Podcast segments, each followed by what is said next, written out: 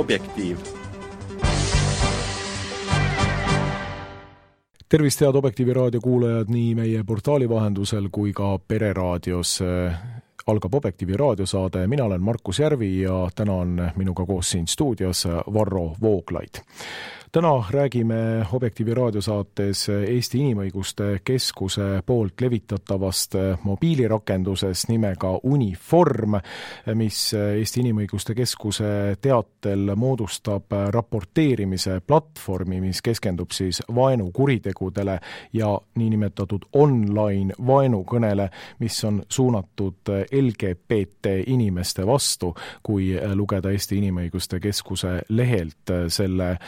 mobiilirakenduse tutvustust. no selle mobiilirakenduse maailmavaatelised, moraalsed ja ka juriidilised äh, konnotatsioonid, taustasüsteemid äh, on suhtelised, mitte suhtelised, vaid vägagi problemaatilised. me oleme Objektiivi äh, lehel neid tutvustanud siin juba mitmel puhul, ka üks juhtkiri on ilmunud sellesisuline, et aga enne, kui me lähme nende suurte maailmavaateliste tasandite juurde, räägime eh, võib-olla lähemalt just nimelt sellest eh, äpist, nagu tänapäeval on moodne siis öelda, mobiilirakendusest, mis võimaldab inimeste selja taga neile esitada pealekaebuse. kuidas see äpp töötab ja, ja milleks see loodud on? Jah, ma arvan, et on hea mõte, et alustada veidi selle fenomeni lahti seletamisest, et inimestel oleks parem arusaamine, millest me täpsemalt tänases saates räägime ja millest need probleemid siis äh, lähtuvad. ja siin oktoobri lõpus siis Eesti Inimõiguste Keskus, mis on Tallinna Tehnikaülikooli juures tegutsev sihtasutus ja mis saab äh, ülevoolavat riiklikku rahastust Sotsiaalministeeriumi kaudu näiteks siin kahe tuhande seitsmeteistkümnendal aastal üheksakümmend tuhat eurot koguni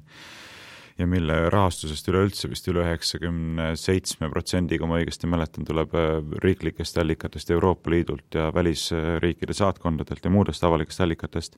teavitas, et äh, nemad on siis koostöös teiste homo, niinimetatud homoõiguste organisatsioonidega mitmetest Euroopa riikidest töötanud välja ja toonud välja sellise niinimetatud vaenust teavitamise platvormi, mis kannab siis nime Uni form sidekriipsuga, selle leiab aadressilt uni sidekriips form.eu ja ühelt poolt on siis tegu veebilehega, mille leiab sellelt nimetatud aadressilt ja teiselt poolt on siis tegu mobiilirakendusega. nii et seda saab kasutada kahelt poolt, nii veebist kui mobiilist. ja selle sisuks on siis see, mida sa juba selgitasid, et saab esitada kas oma nimel või anonüümselt pealekaebusi teiste inimeste suhtes, kes on siis käitunud viisil, mis ei ole kooskõlas selliste homoideoloogiliste postulaatidega. ehk siis teisisõnu on äh, äh, käitunud nii-öelda vaenavalt, praktiseerinud niinimetatud vaenukõnet või niinimetatud vihakõnet või siis, nagu nemad ütlevad, on pannud toime mingisuguse vihakuriteo, kuigi kõik need mõisted on määratlemata ja keegi täpselt ei tea, mida nende all siis võiks silmas pidada ja mida siis selle asja kirjelduseks veel öelda, on see, et tegemist ei ole üksnes kuritegude raporteerimise platvormiga. teatavasti kuritegude ja väärtegude ehk kokkuvõtlikult öeldes süütegude menetlemisega tegelevad õiguskaitseorganid, aga siin seesama Eesti Inimõiguste Keskus siis nii-öelda kodanikuühendusena, mida ta tegelikult ju ei ole, eks ole, riiklikult rahastatud, kutsub üles andma teada sellistest mõtteroimadest või nii-öelda ideoloogilistest väärseisukohtadest, nemad nimetavad neid eelarvamusteks, raporteerima neid äh, homoõiguslastele, et nemad saaksid siis kasutada seda informatsiooni oma ideoloogiliste eesmärkide edendamiseks. ma ei tea, kas siis nende inimeste suhtes mingite äh, pehmemate või vähem pehmemate repressiivsete sammude ettevõtmiseks, mingite nimekirjade koostamiseks nii-öelda rahvavaenlastest või ideoloogiliselt valesti meelestatud inimestest või muul viisil, kuni sinnamaani välja, et siis esitada ka õiguskaitseorganitele mingeid kaebusi seonduvalt nende inimeste käitumisega. aga minu isiklik arvamus on, et paljuski on see asi mõeldud selleks, et valmistada ette karistusseadustikus sisalduva vaenu õhutamise keelu laiendamist selleks, et äh, nõuda just nimelt parlamendilt ja valitsuselt selle vaenu õhutamise keelu laiendamist karistusseadustikus, et saaks hakata tunduvalt ulatuslikumalt ellu viima sellist ideoloogilist represseerimist Eesti Vabariigis, nagu seda tehakse mitmetes teistes riikides, äh, nii Euroopas kui ka Ameerikas no Eesti Inimõiguste Keskuse lehelt äh, loeme veel, et see Uniform äh, platvorm, äh, mis siis toimib, nagu mainisidki, juba internetis ja ka mobiilirakendusena, on võimalik kasutada nii Portugalis, Hispaanias, Ühendkuningriigis, Belgias, Maltal, Ungaris, Lätis, Leedus ja ka Eestis. Ning kui äh, küsida, et äh, kuhu sinna esitatud äh, raport jõuab, siis seletab Eesti Inimõiguste Keskus, et Eestis laekuvad kõik selle äpi ja kodulehe kaudu esitatud raportid Eesti Inimõiguste Keskuse eksperdile, kes siis tagab nende menetlemise privaatsuse. juhul, kui raport on esitatud koos isikuandmetega, võtab spetsialist raporti esitajaga ühendust ja nõustab teda. nii teavitatakse siis Eesti Inimõiguste Keskuse kodulehel. ja mis on vägagi problemaatiline, on see, et Inimõiguste Keskuse teatel kogutakse kõik Eestis esitatud raportid äh, umbisikustatult äh, andmebaasi ja saadetakse need siis äh, kuskile sellisesse nii-öelda vaenukuritegude üldandmebaasi Euroopa Liidus, no ilmselt siis ILGA Portugalile, kes on selle äpi eest vastutav, ehk siis homoorganisatsioon Portugalis. Eks teiste sõnadega näiteks anonüümselt äh, meie selja taga tehtud äh, raport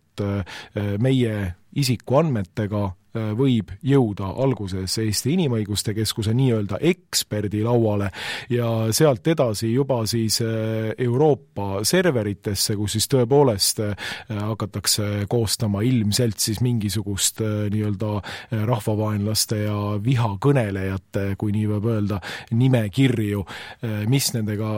seal edasi toimub, seda me tõepoolest ei tea, et seda võib ainult oletada ja seda Eesti Inimõiguste Keskus ka oma lehel ei maini, et äh, ku-, kuidas on äh,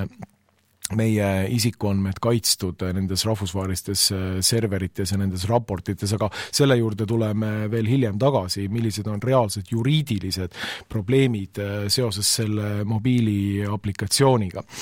aga võib-olla räägime nüüd natukene lähemalt ka sellest, et mida siis meie hinnangul tõepoolest ette heita sellele aplikatsioonile sellises suures maailmavaatelises äh, plaanis?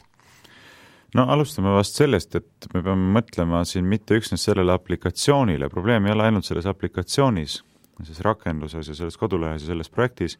vaid äh, probleem on selles, kuhu me ühiskonnana oleme jõudnud üldse ja, ja kuhu me liigume.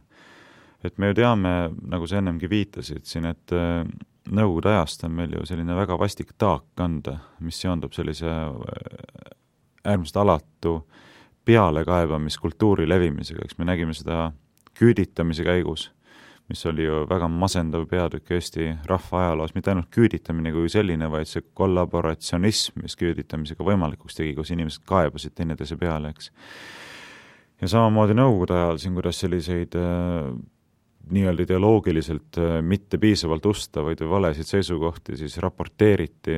õiguskaitseorganitele, KGB-le ja mujale, kus inimesed pidid aru andma, võib-olla sattusid repressioonide ohvriks selle tõttu, eks, liiga isamaalised vaated või muu selline, eks, ei ole piisavalt äh, sovjetlikud vaated ja nii edasi. ja me näeme, et seesama mentaliteet ei ole kuskile kadunud, vaid ta on lihtsalt ümber pakendatud ja toodud uuesti välja, et lihtsalt kutsutakse agressiivselt inimesi peale äh, kaebama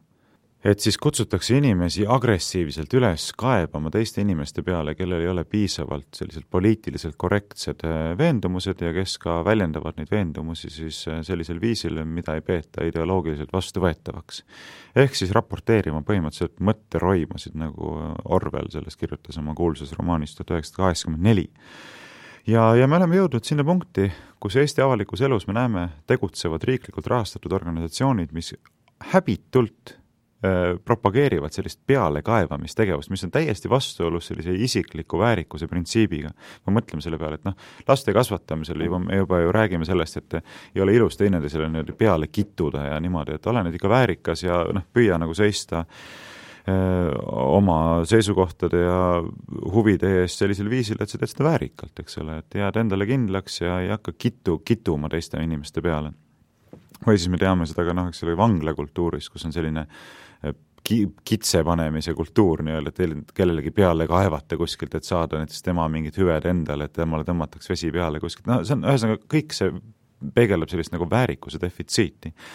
ja, ja mis minu jaoks on hästi kõnekas, on see, et, et, et see on nüüd siis nagu riiklikult rahastatud sihtasutus, kes siis täiesti avalikult, ilma igasuguse häbitundeta sellist asja Eesti ühiskonnas siis püüab äh, propageerida. ja ma ütlen, noh, see on selline küüditaja mentaliteedi ümberpakendamine, nagu juba öeldud. Ja silme ette kerkib selline Pavlik Morozovi kultus, eks, mida vanemad inimesed teavad Nõukogude ajast, kui selline eeskujulik pealekaeb ja pioneer, kes annab siis üles kas või oma vanemad ja sugulased selleks, et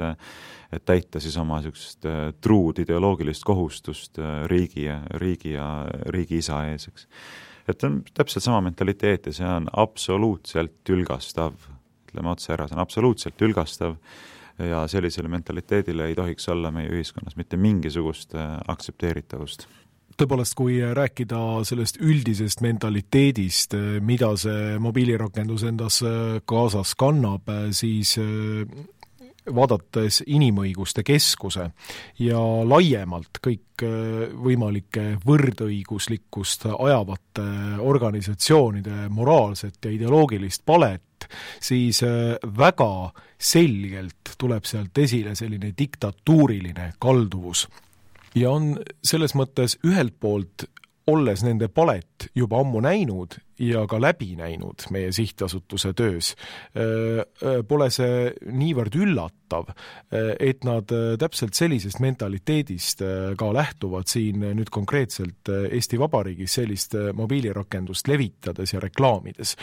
aga siiski imekspandav on see, kuidas inimõiguste varju ennast maskeeruv äh, selline ideoloogilise diktatuuri püüdlus äh, üritab siis lihtsalt häbitult ühiskonnas pealekaebamist edendada. Ja võib küll öelda, et noh, et siin on esiteks inimõiguslased enda pale väga selgelt paljastanud, et, et millist kultuuri nad tegelikult tahavad, millist ühiskonda nad taga, tahavad, milline on see vasakliberaalne maailm, kus nad elada tahaksid. ehk siis teiste sõnadega on olemas mingisugused vähemusgrupid, kellel on olemas eriõigused, on olemas ideoloogilised suunised, mida mõelda, mida teha, mida öelda, ja kui keegi nende vastu eksib, siis võib lihtsalt avada mingisuguse mobiilirakenduse, täita ära raporti ja ilmselt ka siis nime mainides öelda ära, et kes sellist ideoloogiliselt ebatruud ja ebasünnist juttu siis nüüd ajas siin. et noh, tegu on tõesti häbiväärse programmiga, täiesti häbiväärse ideoloogilise ja, ja ma, ja nagu sa ütlesid ka väga lihtsalt ja selgelt, inimliku hoiakuga häbiväärse inimliku hoiakuga. et äh, siin ei ole tõesti väärikusega mitte midagi äh, pistmist ja paljud kommentaatorid, muuseas ka liberaalide seas, on hakanud suhtuma sellesse mobiilirakendusse tõsise äh, kriitikaga ja, ja võrreldud on seda tõepoolest avalikult äh, stalinistliku äh, sellise repressioonimasinaga ja, ja mitte üldsegi äh,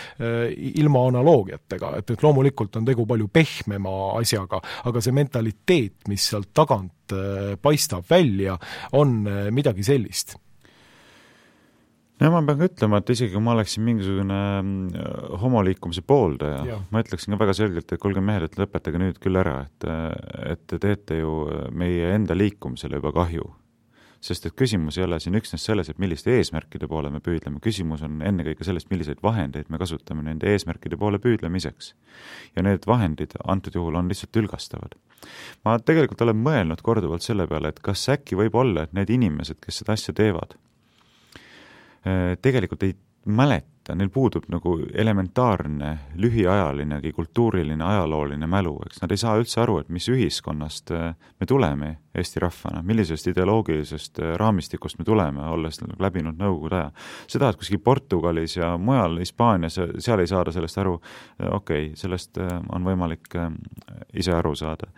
aga et siin Eestis need tüübid seal Eesti Inimõiguste Keskuses ja mujal nii häbitult rakendavad neid samu meetodeid, mida, millest oleks unistanud küüditajad, no õigusküüditajad oleks unistanud sellisest äpist, kus kõik saavad teineteise peale kittuda, eks ole, kes on siin kulak ja kes on mingi piisavalt äh,, ei ole piisavalt truu Nõukogude ideoloogiale, kõigele sellele, eks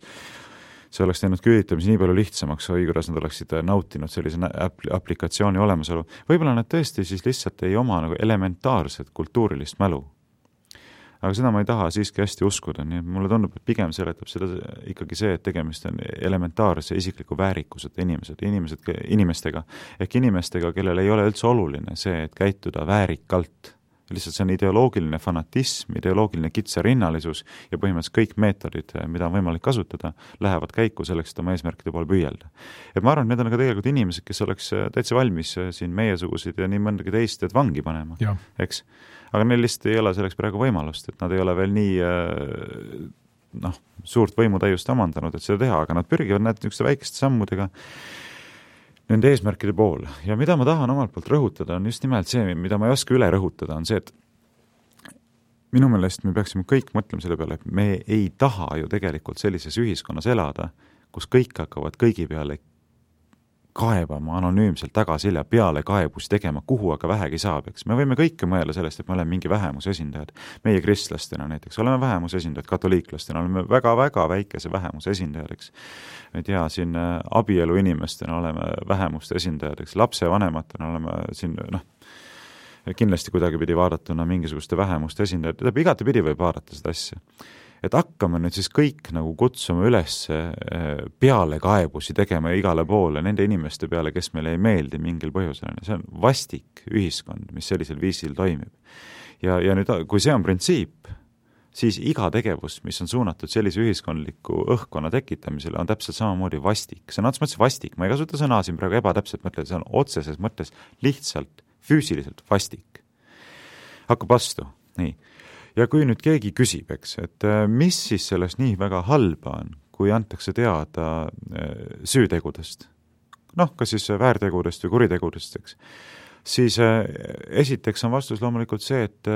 kui on tegemist reaalsete süütegudega, siis nendest tulekski õiguskaitseorganitel üldjuhul teada anda, üldjuhul aga siin me ei räägi reaalsetest süütegudest, me siin me räägime sellistest mõtteroimadest, sellistest nii-öelda ideoloogilistest väärmõtlemistest ja väärütlemistest, eks, me räägime mingist vaenukõnest, Eesti Vabariigi karistusseadustik ega ükski teine seadus ei keela, ei näe karistatava teona ette mingit vaenukõnet või vaenu või vihakõnet või äh, äh, mingisugust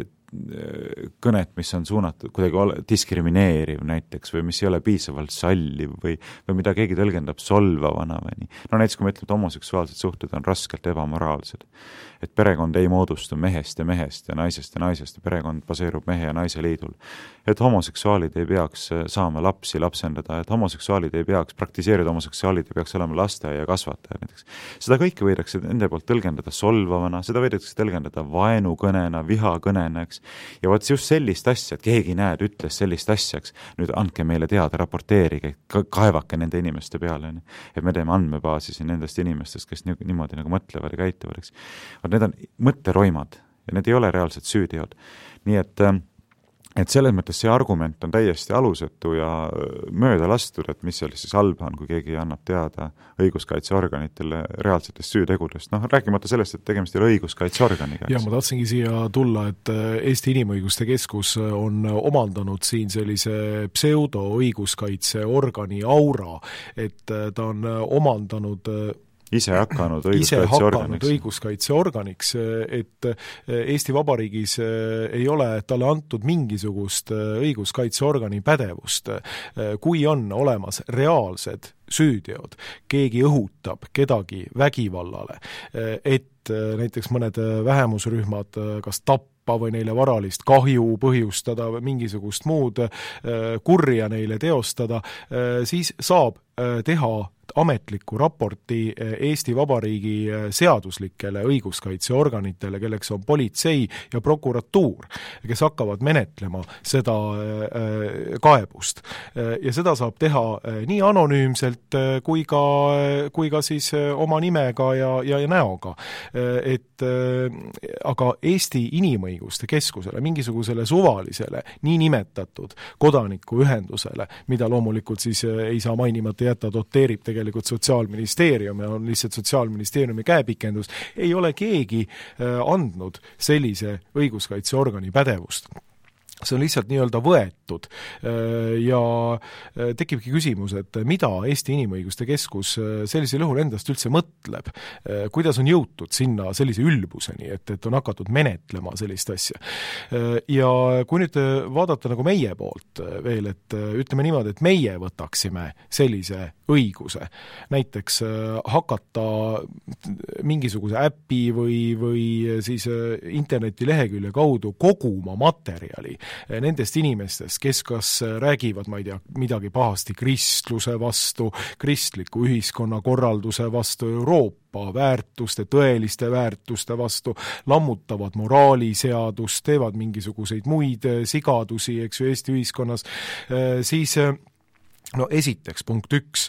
kujutad sa ette seda kisa, mis kostuks Pahemleerist, et äh, fašistid äh, juba põhimõtteliselt koguvad rahvavaenlaste nimekirju ja, ja, ja ja äh, kristallöö juba enam-vähem löö, lõõmab. Noh, see oleks nagu esimene reaktsioon. teine asi on see, et meie meile pole isegi pähe tulnud sellist mõtet, et hakata midagi sellist tegema. ühelegi konservatiivile ühiskonnas ei tule pähe mõtet, et ta peaks mingi, kuidagi äh, edendama sellist äh, pealekittumise, pealekaebamise tehnoloogilisi vahendeid, äh, elektroonilisi vahendeid, et soodustada inimeste, kodanike umbusaldamust teineteise vastu ja luua mingisugust ühtset ideoloogilise diktatuuri kliimat ja õhkkonda. see on absoluutselt vastuvõetamatu Äh, konservatiivsele maailmavaatele. Äh, ja äh, noh, seda ei tee ei meie ega, ega keegi Euroopa Liidu konservatiividest. et ja siin on nüüd hea küsida, et millised jõud nii Eesti ühiskonnas kui ka Euroopa Liidus seisavad tõelise isikuvabaduse, kodanikuvabaduse, sõnavabaduse, südametunnistuse vabaduse eest ja millised jõud seda üritavad äh, äh, summutada, lämmatada äh, ja luua hirmuõhkkonda. kindlasti on konservatiivid need, kes seisavad just nimelt tõelise isikuvabaduse, väärika kodanikujulguse kaitsel jaa, ma olen sinuga kõigis nendes punktides täiesti nõus ja kõiki neid punkte saaks veel omakorda lahti rääkida, võib-olla tasukski seda teha. Alustades sellest, et äh, kas pole paradoksaalne, et sellist anonüümset pealekaebamiskultuuri, mis on suunatud otseselt sellise hirmuõhkkonna tekitamisele, poliitilise korrektsuse diktatuuri ideoloogilisele olukorra kasvatamisele ja levitamisele ja süvendamisele, äh, propageerib äh, organisatsioon nimega Eesti Inimõiguste Keskus see on ka täielik naerukoht ausalt öeldes. millega peaks tegelema need, kes väidavad ennast olevat inimõiguste kaitsjad? Noh, vaatame elementaarselt, kas Nõukogude ajast tulnuna või siin äh, mingitest muudest kontekstidest äh, lähtudes, kus on sellised diktatuurilised kalduvused, nad peaksid seisma selle eest, et inimestel oleks maksimaalne sõnavabadus, nad võiksid väljendada oma seisukohti, eks, kartmata, et sellega kaasnevad mingid repressioonid, et oleks maksimaalne mõttevabadus, oleks maksimaalne südametunnistuse vabadus, veendumuste vabadus, eks see on see, millega, me võime sellega nõustuda või mitte nõustuda, eks see on juba eraldi teema, aga inimõiguste eest seisjad peaksid selliste eesmärkide eest kindlasti seisma. ja mida me näeme, kes on peamine, kes seisab selle eest, et tõmmata koomale sõnavabadust ehk represseerida seda näiteks nii-öelda vaenu äh, kõnekeelu ja vihakõnekeelu äh, laiendamise teel. kes on peamine, kes seisab selle eest, et represseerida inimeste mõttevabadust, veendumuste vabadust, usuvabadust, südametunnistuse vabadust, näiteks diskrimineerimise keelu laiendamise teel võrdse kohtlemise seaduses, eks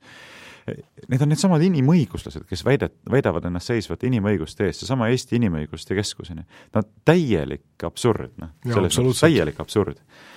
et äh, tegemist võiks olla siis ütleme nii, et äh, Eesti Inimõiguste Ahistamise Keskusega, et see oleks täpsem nimetus, ma teeksingi ettepaneku äh, organisatsioon ümber nimetada. või Eesti Inimõiguste Represseerimise Keskusega, inim-, Eesti Inimõiguste Koomale Tõmbamise Keskus näiteks, et see oleks täiesti adekvaatne nimetus sellele.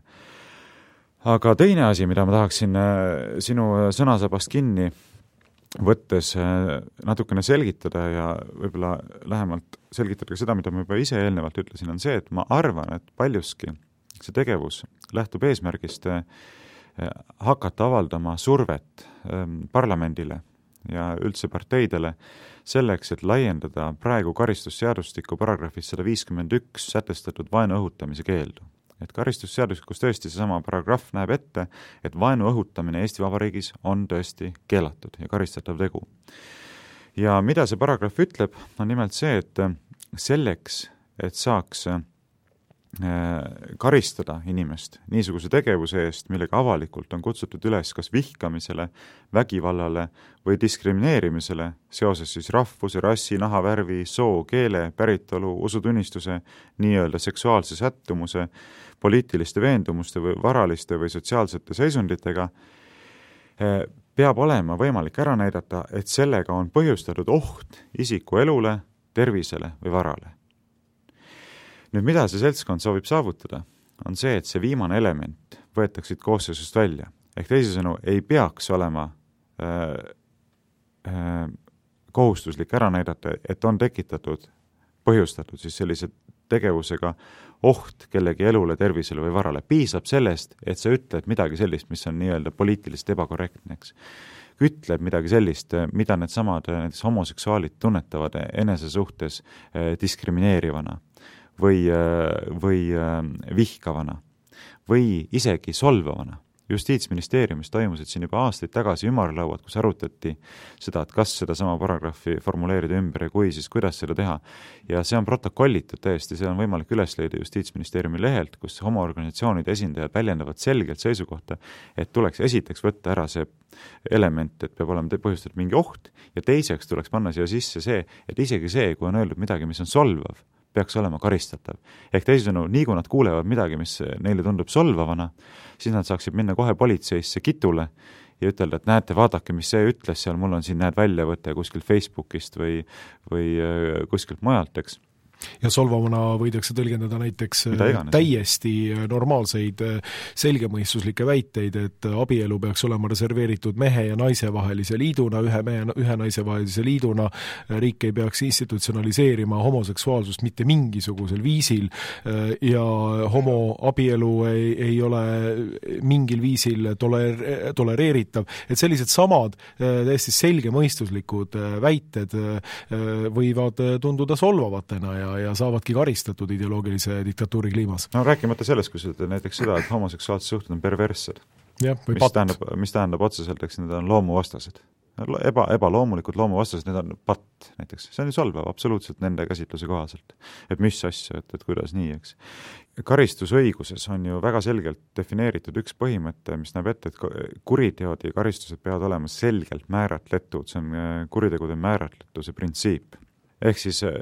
põhimõtteliselt äh, ühes või teises vormis printsiip nullum crimen sine lege. Äh, see tähendab seda, et ei tohi olla umbmääraselt määratleda, mis kuritegu on, aga kui me ei suuda defineerida ära, mis on näiteks üleskutse vihkamisele, mis on üleskutse diskrimineerimisele, nagu juba praeguseski koosseisus on see öeldud, see on juba praegu problemaatiline seal aga mis on veel üles, mis on veel solvamine, eks, mis on äh, vaenamine, mis on vaenukõne, mis on vihakõne, need on täiesti uduselt määratletud ja ma olen rääkinud ka inimestega Justiitsministeeriumis, küsinud, kas teil on siin majas kedagi, kes suudaks mulle ära defineerida, mida need asjad tähendavad. täpselt ära defineerida, sest kuriteod, koosseisud peavad olema määratletud täpselt. ja ma ei ole mitte kunagi sellele vähegi rahuldavat vastust saanud. mis näitab seda, et tegemist on selliste täiesti uduste mõtteroimadega, mis omakorda tekitab, tekitaks sellise olukorra, kui see seadusemuudatus tehtaks, kus mitte keegi täpselt ei tea, mida sa võid öelda, mida sa ei või öelda, enne kui sul hakatakse õiguskaitseorganite poolt sisse sõitma. aga see on ideoloogilises diktatuuris muuhulgas taotluslik, et mitte keegi täpselt ei tea, kuhumaani ta võib jõuda, kuhumaani mitte. et see äh, riikliku karistuse äh, ja kohtulike karistuste kirves oleks sul kogu aeg niimoodi Damoklese mõõgana pea kohal, alati sotti võib seniidikene sealt katki minna ja sa pead käima kikivarvul, olema vaikselt ja hästi. ja see muuseas on üks selliseid suuri, suuri muudatusi, kuhu niinimetatud võlts inimõiguslased siis tahavad ühiskonda tüürida, et inimesed põhimõtteliselt olekski kogu aeg hirmul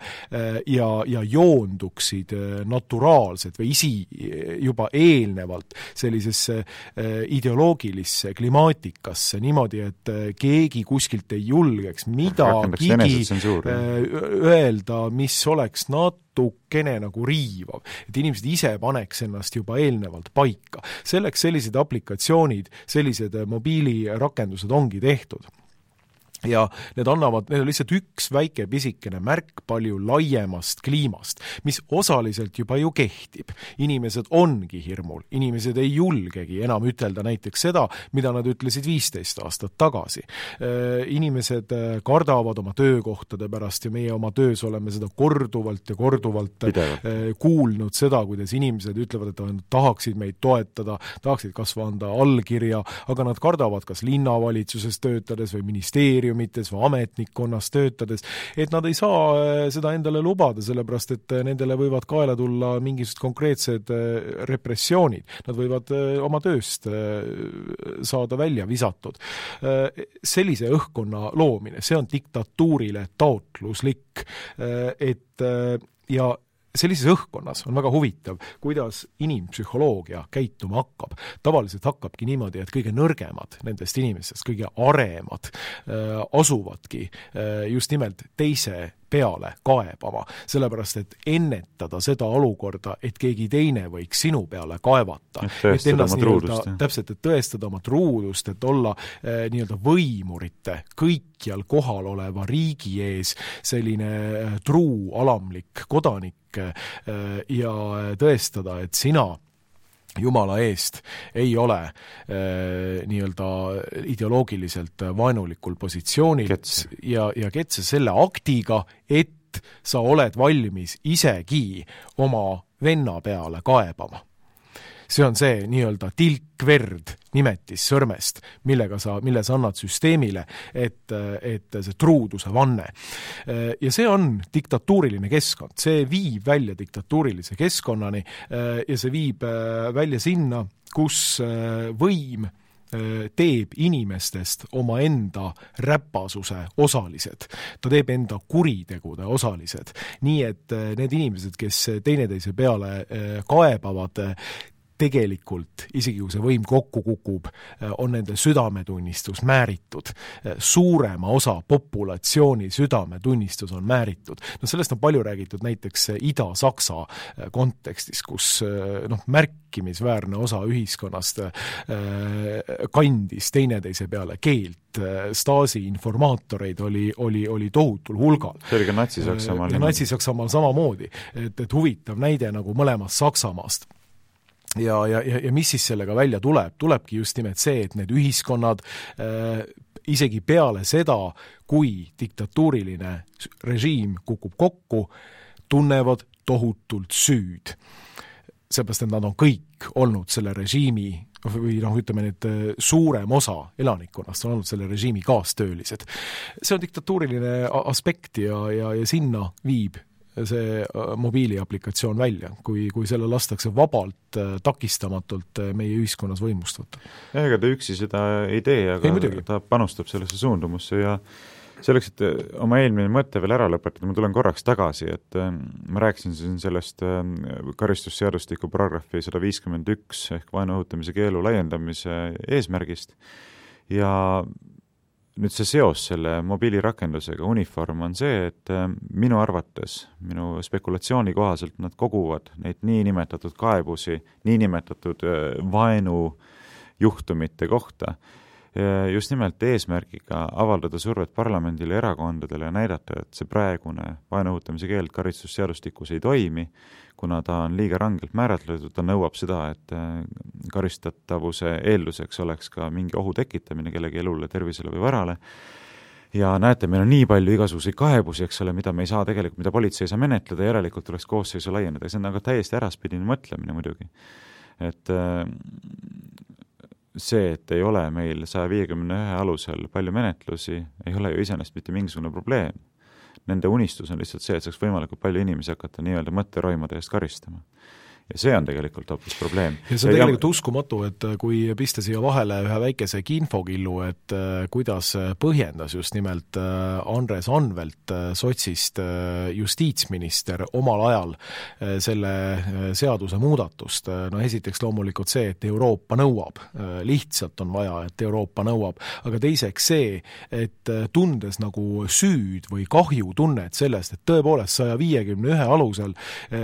karistusseadustiku paragrahv paragrahvi alusel ei ole Eestis üleüldse mingisuguseid kuritegusid registreeritud ma ei tea, kui kaua aega tagasi. et järelikult see paragrahv ei toimi. mitte see, et meil ei ole vihakõnet, vaid järelikult see paragrahv ei toimi. et selline nii-öelda politseiriigi mõtlemine äh, sots Andres Anvelti poolt. ja, ja, ja noh, see Eesti Inimõiguste Keskus on ka väga selgelt väljendanud oma ihalust selle järgi, et seda paragrahvi sada viiskümmend üks laiendataks, mistõttu me teame, et needsamad inimesed nagu kannavad endast seda eesmärki, mistõttu ei ole see spekulatsioon ka ebatõenäoline, et ka see uniform äh, on suunatud sellesama eesmärgi poole liikumisele ja muidugi on selle kõigega seonduvalt tähelepanuväärne ka see, mille eest me hoiatasime juba kahe tuhande neljateistkümnendal aastal, kui me alustasime oma petitsiooni Kaitskem üheskoos perekonda. me saatsime laiali sadu tuhandeid petitsioone üle Eesti ja muuhulgas hoiatasime just nimelt selle eest, et kindlasti kui kooseluseadus läbi surutakse, on see osaks laiemast ideoloogilisest programmist, mille osaks omakorda on ka niinimetatud vaenu õhutamise keelu laiendamise plaan sellisel viisil, et saaks hakata karistama inimesi ideoloogiliste mõtteroimade eest lihtsalt. ja nüüd me näeme, et selles suunas järjepidevalt töötatakse ja ma olen täiesti kindel, et kui Justiitsministeerium langeks äh, jälle sellesama äh, Andres Anvelti või üldiselt sotside kontrolli alla, siis see plaan äh, ilmselt ka ellu viidaks, eeldusel, et neil on valitsuses piisavalt äh, tugev positsioon objektiiv. aga selle aplikatsiooniga seonduvad ka mitmed juriidilised probleemid ja hiljuti käisid sa just Postimehe stuudios seletamas seda, et miks tegi Äh, sihtasutus Peretraditsiooni kaitseks Andmekaitse Inspektsioonile järelpärimise, et kas tegu on seadusliku äh, aplikatsiooniga või mitte ja meie hinnangul selgelt ei ole, sest see äh, rikub andmekaitseseadust. jah, see on nüüd eraldi probleemide ring veel et üks on see moraalne ja kultuuriline aspekt, mida me siiamaani oleme puudutanud, aga nüüd teine väga tõsine probleem kogu selle aplikatsiooniga seonduvalt on tõesti juriidiline. ja siin äh, eelmise nädala reedel äh, pöördusime ka Eesti Inimõiguste Keskuse poole meie sihtasutuse nimel ja seejärel ka Andmekaitse Inspektsiooni poole samasisulise äh, pöördumisega, kus me osutasime asjaolule, et meie kindla veendumuse kohaselt on Eesti Inimõiguste Keskuse tegevus seonduvalt selle uniformrakenduse haldamisega vastuolus Eesti Vabariigis kehtiva õigusega, täpsemalt siis isikuandmete kaitse seaduses sätestatud äh, regulatsiooniga. ja milles see probleem on? probleem on ennekõike selles, et isikuandmete kaitse seaduse kohaselt, paragrahv kümme täpsemalt ütleb seda, et tohib isikuandmeid töödelda juriidiliste isikute poolt üksnes andmesubjekti nõusolekul, ehk siis selle isiku nõusolekul, kelle andmeid töödeldakse ja nüüd isikuandmed, et kuulajatel oleks selge, on põhimõtteliselt kõik andmed mingisuguse tuvastatud või tuvastatava isiku kohta ja andmete töötlemine on põhimõtteliselt igasugune toiming, toiming nende isikuandmetega. ja nüüd siis isikuandmete kaitse seadus tõesti üldpõhimõttena ütleb äh, paragrahvis kümme, et kui ei ole antud konkreetsele äh, subjektile seadusega õigust isikuandmete töötlemiseks, no näiteks politseil on see seadusest tulenev õigus, prokuratuuril, eks kohtutel, noh, paljudel teistel ametkondadel, siis peab olema konkreetse isiku äh, isikuandmete töötlemiseks äh, sellesama isiku nõusolek, mis peab olema fikseeritud kirjalikult ja taasesitamist võimaldaval moel. Eriti range on see nõue veel siis, kui tõdetakse delikaatseid isikuandmeid, mille hulka kuulub ka siis info isiku poliitiliste ja moraalsete veendumuste kohta ja samuti mm, informatsioon siis äh, selle kohta, äh, mis puudutab äh, võimalikku süüteo toimepanemist enne avalikku kohtuistungit või õigusrikkumise asjas otsuse langetamist või asja menetlemise lõpetamist. nii. ja nüüd fakt on see, et Eesti Inimõiguste Keskus kutsub siis selle uniformrakendusega inimesi kas mobiilis või siis kodulehel raporteerima erinevaid juhtumeid ja sealhulgas ka siis teiste inimeste isikuandmeid ehk kui ke-, näiteks oletame, et on Ants, kes teeb äh, Marguse peale kaebuse, äh, kaebus laekub Eesti Inimõiguste Keskusele koos Marguse äh, isikuandmetega. nüüd selleks, et Eesti Inimõiguste Keskus võiks neid Marguse isikuandmeid töödelda, peaks tal olema Marguse nõusolek selleks, aga tal ju ei ole seda, sest see on tagaselja pealekaebamine, see ongi ju, asja point on see, et Margus ise ei tea sellest mitte midagi, et tema kohta on mingisugune kaebus tehtud. Ja mis on veelgi hullem, töödeldakse ka delikaatseid isikuandmeid suure tõenäosusega, eks. ja andmekaitseseadus ütleb väga selgelt paragrahvis kakskümmend seitse, kui ma õigesti mäletan, et äh, delikaatsete isikuandmete töötlemine tuleb äh, eelnevalt registreerida Andmekaitse Inspektsioonis. ja minule teadaolevalt Eesti Inimõiguste Keskus ei ole ka seda üldse teinud. Nii et äh, mitmes punktis mulle tundub, et see tegevus, mida siin Eesti Inimõiguste Keskus praktiseerib, äh, on tugevalt vastuolus isikuandmete kaitse seadusega, mis on seda skandaalsem, et väidetavalt Eesti Inimõiguste Keskuse juht Kari Käsper on ise aastaid Tehnikaülikoolis andnud andmekaitseõigusega seonduvat kursust, ehk peaks siis olema väga hästi kursis äh, sellega, mida siis seadus nõuab äh, seonduvalt isikuandmete kaitsega no see ongi hea näide, kuidas ideoloogia varjutab tervet mõistust, äh, kuidas inimene, kes peaks olema andmekaitseseadusega igati kursis, edendab ja reklaamib Eestis mobiilirakendust, mis ilmselt ikkagi andmekaitseseadusega ei ole kooskõlas. sellepärast, et miks? sellepärast, et on suuremaid, jõulisemaid väärtusi, hierarhias on palju-palju olulisemad asjad, kui näiteks olla Eesti eh, seadustega kooskõlas, need on sallivus, need on just nimelt sellise ideoloogilise kliima ja diktatuuri edendamine. Ja siin võib äh, ilmselt öelda ilma igasuguste äh, liialdusteta, et äh, Kari Käsperi ja Eesti Inimõiguste Keskuse ja paljude Sotsiaalministeeriumi ametnike näol on tegu lihtsalt ideoloogiliste radikaalidega, kes Eesti ühiskonnas oma ideoloogiat üritavad põlistada, seda levitada meie enda rahade eest. Et kui te kuskilt otsite tõelisi radikaale, siis Eesti Inimõiguste Keskus ilmselt pakub neid teile päris hulganisti jah, me elame sellisel ajal, kus paljud radikaalid kannavad valgeid siidist kindaid, eks, et on niisugused tegelikult niisugused ädised tüübid, kes ise ei julgeks nagu suurt midagi teha, aga kelle meetod ongi selline anonüümne pealekaebamine, selja taga susimine ja kellegi vastu õiguskaitseorganite üles ässitamine, nii et mees, et ennast pole nagu ollagi, nagu kuskil on vaja nagu seista, eks. aga just selliste meetoditega tegutsemine ja no saab olema huvitav näha muidugi, kuidas see Andmekaitse Inspektsioon nüüd seda olukorda ka käsitleb eks siit, siis saab ka nagu näha, et kas siis Eesti Vabariigis kehtib õigus kõigile ühetaoliselt või on siis võrdsed ja veel võrdsemad, eks, kes ajavad nii-öelda seda ideoloogiliselt õiget asja, kellele päris ei kohaldu õigus nõnda nagu lihtsurelikele, aga ma ikkagi loodan, et, et see päris niimoodi ei ole. Mm -hmm. ja, ja saab olema huvitav näha, Eesti Inimõiguste Keskus muidugi ise kõiki meie etteheiteid äh, eitab, ütleb, nemad pole midagi rikkunud, kõik on õigeks, et nemad üldse mingeid isikuandmeid ei töötlegi et sellepärast, et kaebusi saab esitada ka anonüümselt, noh, mis on, eks ole, täielik absurd, eks. absoluutselt, sellepärast et kaebuse esitaja jääb anonüümseks, aga see, kelle kohta kaebus esitatakse, et temal ei ole mingit varianti anonüümseks jääda, kui ta seda tahaks. ja, ja muidu poleks mõtet üldse kaebust esitadagi, kui ei oleks ilmselt konkreetset isiku nime seal kaebuses no, ära esitatud. esimene küsimus, kes ja, tegi, kes, kes tegi, rääkis. et see on nagu elementaarne ja rääkimata sellest, et kui me vaatame seda mobiilirakenduste uniform või ka seda kodulehte, vaatame seda ankeeti, kus siis kutsutakse juhtumit raporteerima, siis seal on üks selline lahter, mille nimi on kirjeldus ja kirjelduses on selgesõnaliselt öeldud, tsiteerin, lisa nii palju infot, kui see on võimalik. nii.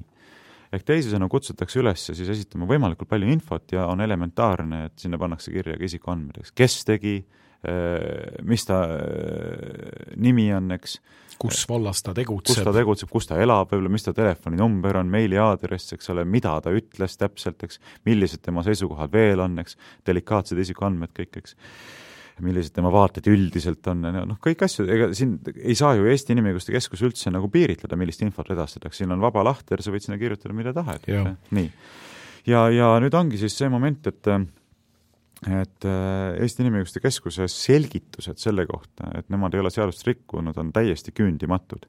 muuhulgas selles osas nad ütlevad, et nendel ei ole vaja registreerida Eestis delikaatsete isikuandmete töötlemist, kuna nende partner, homoorganisatsioon Portugalis on seda juba teinud ja nemad on selle projekti juhtiv partner, vastutav töötleja andmete puhul. järelikult Eestis pole üldse vaja töödelda, ma helistasin isiklikult Andmekaitse Inspektsiooni, küsisin üle, kas selline tõlgendus peab vett, nad ütlesid kindlasti mitte kui kogutakse Eesti Vabariigi territooriumil töödeldakse delikaatseid isikuandmeid, tuleb see ilmtingimata Andmekaitse Inspektsioonis registreerida. nii et ma ausalt öeldes ei näe mitte mingisugust varianti, kuidas Eesti Inimõiguste Keskus saaks äh, põhjendada ära, et äh, nendepoolne delikaatsete isikuandmete töötlemine ilma Andmekaitse Inspektsioonis seda registreerimata võiks olla õiguspärane. aga jällegi ma ütlen, et saab näha, kuidas see lõpeb aga siin on hea näide sellest, kuidas Eesti Inimõiguste Keskus, ehk siis see juba mainitud libainimõiguste keskus mm, teeb otseselt koostööd ühe Euroopa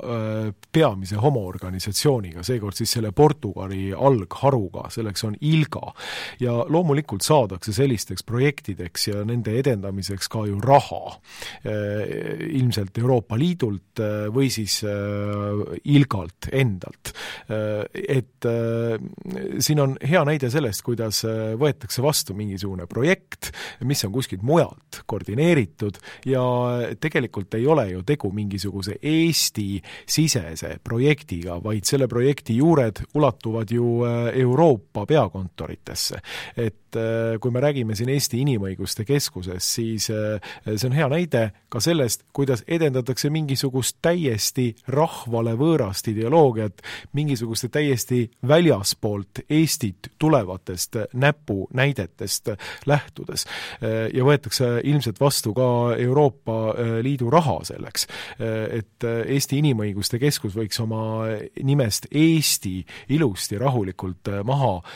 võtta ja loomulikult võiks ta sealt võtta ka inimõigused ka, jääks järgi ainult keskus, mille võiks siis defineerida hoopis teistsuguseks keskuseks. Jah, eks me seda ju veel ei tea, et kust see raha täpselt tuleb selle projektiga seonduvalt neile, ilmselgelt nad kuskilt selleks raha saavad, ega nad seda lihtsalt nagu armastusest ja heast tahtest ei tee. Eks hiljem, hiljem äh, vast selgub ka majandusaasta aruannetest, võimalik. aga ma veel kord rõhutaksin seda, et äh, tegemist on äh, ideoloogilise propaganda ja ühiskondliku vaenu õhutamise keskusega. see uniform-äpp on ka ilmselgelt suunatud reaalselt ühiskondliku vaenu õhutamisele, eks. see on vaenu õhutamine, kui me kutsume inimesi teineteise peale kaebama mingite mõtteroimadega seonduvalt, eks me kunagi ei tea, kes kellegi suhtes võib äh, mingi kaebuse teha, see tegelikult tekitabki kahtlustuse õhkkonda, vaenu õhkkonda ja sellist äh, lõhub ühiskondlikku sidusust, eks, tegelevad reaalselt ühiskonna lõhkumisega ja inimõigustega, ma kordan, ei ole sellel tõesti mitte midagi pistmist, ma juba ennem mainisin seda, aga seda tasub veel üle rõhutada. et see on ka üks näide sellest, kuidas meil maailmas on asjad läinud, eks ole, et pannakse mingi nimi organisatsioonile, tegeletakse täpselt vastupidisega, eks. et ma ütlen, et Inimõiguste Keskus peaks tegelema sõnavabaduse kaitsega, mõttevabaduse kaitsega, veendumuste vabaduse kaitsega, südametunnistuse vabaduse kaitsega, religioonivabaduse kaitsega, eks. milleks on inimõigused algse idee järgi mõeldud välja? selleks, et kaitsta üksikisikut avaliku võimu sissetungi eest tema privaatsfääri, tema vabadustesse, tema õigustesse, eks. ja siin me näeme, et nemad töötavad just nimelt selle nimel, et avalikul võimul oleks ulatuslikumad võimalused tungida sisse isiku privaatsfääri, tema vabadustesse ja õigustesse, lihtsalt ühemõtteliselt, see täpselt nii on, seda ei ole võimalik eitada, mis ma praegu mainisin. ja mis Inimõiguste Keskusest te meile siin räägite siis, noh, et noh, see on lihtsalt naeruväärne. aga paraku me näeme sellist asja üha laiemalt aga tulles äh, lahenduste juurde siin saate lõpus, äh, kuidas peaks reageerima äh, nendele lüketele, mida võlts inimõiguste keskused ja võlts kodanikuühendused, mis on kinni makstud Euroopa Liidu ja Eesti riigi poolt ideoloogiliste mõttekodadena, Eestis siis üritavad edendada, siis noh, esimene asi, mida mina paneks küll ette, on selline teatav otsustav väärikas kodaniku allumatus sellises küsimuses. esiteks loomulikult selge vastutöötamine, selle avalikustamine, mida see ideoloogiliselt diktatuuriliselt äh, meelestatud seltskond äh, nii Eestis kui igal pool Euroopas äh, tahab ette võtta, kuidas nad soovivad inimesi teineteise peale kaebama panna ja selline tõsine allumatus sellele eh, diktatuurilisele õhkkonnale. ja eh, üks peamine aspekt ongi isikliku eh, kartmatuse esiletoomine, et kui võiks mõelda, et me räägime selle mobiilirakenduse vastu nii-öelda isiklikult pinnalt, et et jumala eest keegi meist raportit ei teeks, siis noh, meie positsioon on ju väga selge, et et andke minna, tehke raporteid nii palju, kui, kui süda lustib ja, ja, ja laske käia, et neid raporteid on ammu juba meile tehtud, ka politseisse muuseas, nii äh, sihtasutuse töö kohta kui ka meie tööandjatele et äh, raporteerige terviseks, head inimõiguslased äh,, aga äh, sellise ideoloogilise diktatuuri pealetungi ees on vaja säilitada just nimelt selline otsustav lahtiütlemine orjameelsest hoiakust. Meie ei tee koostööd sellise asjaga, me süüdistame ja paneme teid häbipukki ühiskonnas sellise ideoloogilise hullumeelsuse levitamise eest ja ma täpsustaksin ühte asja, mida võib-olla ei peeta iseenesestmõistetavaks kuulajate poolt, nimelt seda, et mida see koostöö tähendab. koostöö tegelikult sellise ideoloogilise programmiga seisneb juba selles, kui sa hakkad rakendama enesetsensuuri. sest see tähendabki nende võitu. ega nende eesmärgiks ei ole see, et igaühe suhtes saaks teha menetlust. Nende eesmärgiks on see, et menetlusi peakski enam tegema, sest inimesed ise tsenseerivad ennast ära. nii et igaüks peab selle peale mõtlema, kui mina loobun oma tõekspidamiste väljaütlemisest avalikus ruumis väärikalt, siiralt, põhjendatult, rahulikult, siis tegelikult ma juba teengi koostööd nendega, sest ja. nad on võitnud. minu, nad on minu üle võitnud ja minu läbi tegelikult võidutseb seesama ideoloogiline programm juba. aga kui sa nüüd küsid äh, lahenduste järele, siis ma arvan, et üks väga oluline asi ongi see, mida me siin praegu püüame teha. et seesama asi, et hakkame vastu, noh,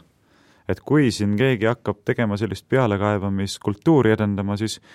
siis meie sihtasutusega ka näiteks pöördume Andmekaitse Inspektsiooni poole ja võitleme selle vastu, et me ei ole nõus sellise asjaga ja kasutame selleks kõiki seaduslikke ja väärikaid vahendeid, et sellele vastu seista.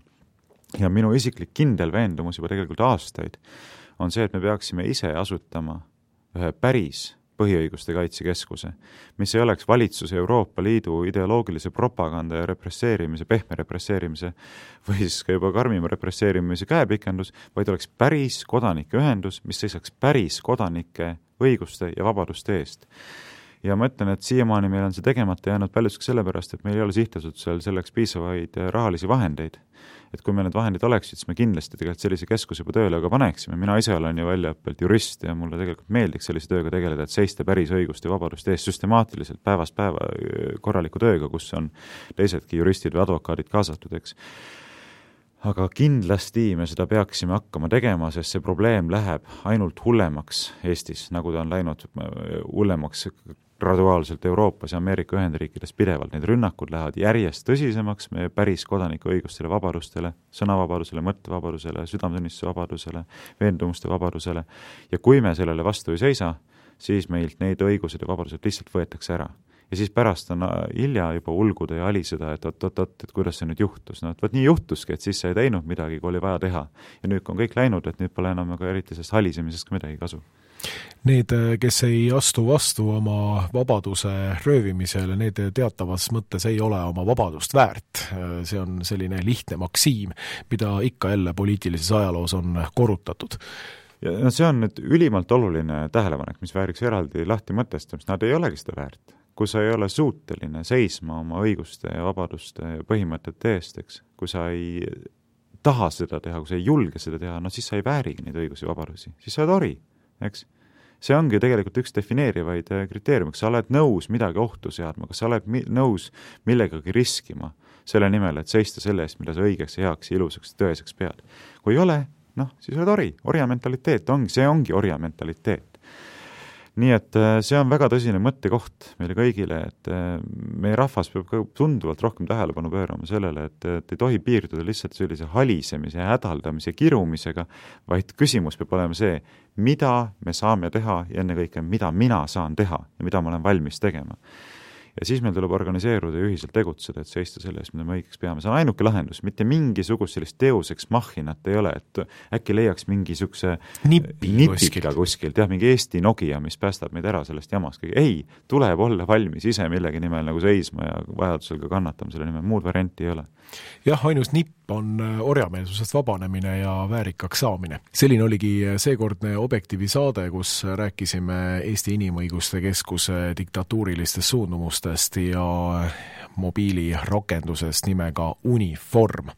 aitäh teile kuulamast, stuudios oli Markus Järvi ja Varro Vooglaid ja meie oleme Objektiivi raadiosaatega eetris juba Pereraadios ja ka Objektiivi portaalis kahe nädala pärast. tänan!